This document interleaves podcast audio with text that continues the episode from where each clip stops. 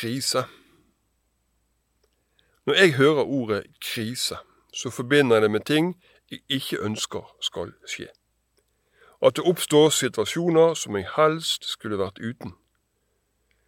Det kan omhandle mange felt. Økonomi, sykdom, ulykker og uønskede endringer i livet som setter meg mer eller mindre ut av spill. At det rykkes ut av det vante og må håndtere krisen for å komme meg videre på en eller annen måte. Kriseberedskap det er et begrep vi kanskje først og fremst knytter opp mot det offentlige, det offentlige rom, de store hendelser som vi hører om i media. Samtidig så opplever vi fra tid til annen at vi rammes av og opplever kriser, men at vår krise ikke kvalifiserer til overskrifter, selv om man er stor og svær for de det gjelder. Jeg har sjøl jobbet med krisehåndtering gjennom mange år, både i forbindelse med de store hendelser, men også i mindre og mer, mer private rammer. En viktig del av krisearbeid er å forhindre og forebygge. Selv om man aldri helt kan gradere seg, så vil jeg i dag holde frem et begrep som brukes på dette fagfeltet.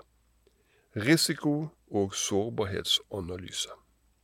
For fagfolk kjent som ROS.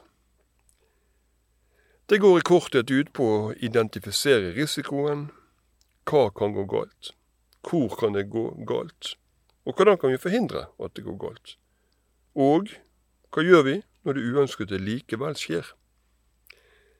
Det kan være lurt å gjøre seg en sånn ROS-analyse på sin private arena.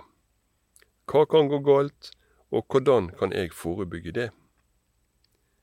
Så kan vi ikke gardere oss mot alt her i livet, og vi skal ikke gå rundt med en konstant sånn katastrofeberedskap i hodet. Det er bare slitsomt. Men jeg har ikke vondt av å stoppe opp litt og se litt gjennom dagene mine.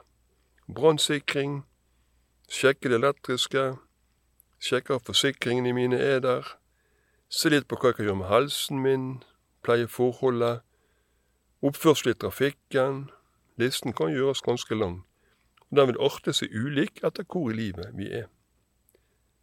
Men jeg er sikker på at jeg finner noen forbedringspunkter. Og skulle det uventede og uønskede likevel skje, hva ressurser har jeg å spille på?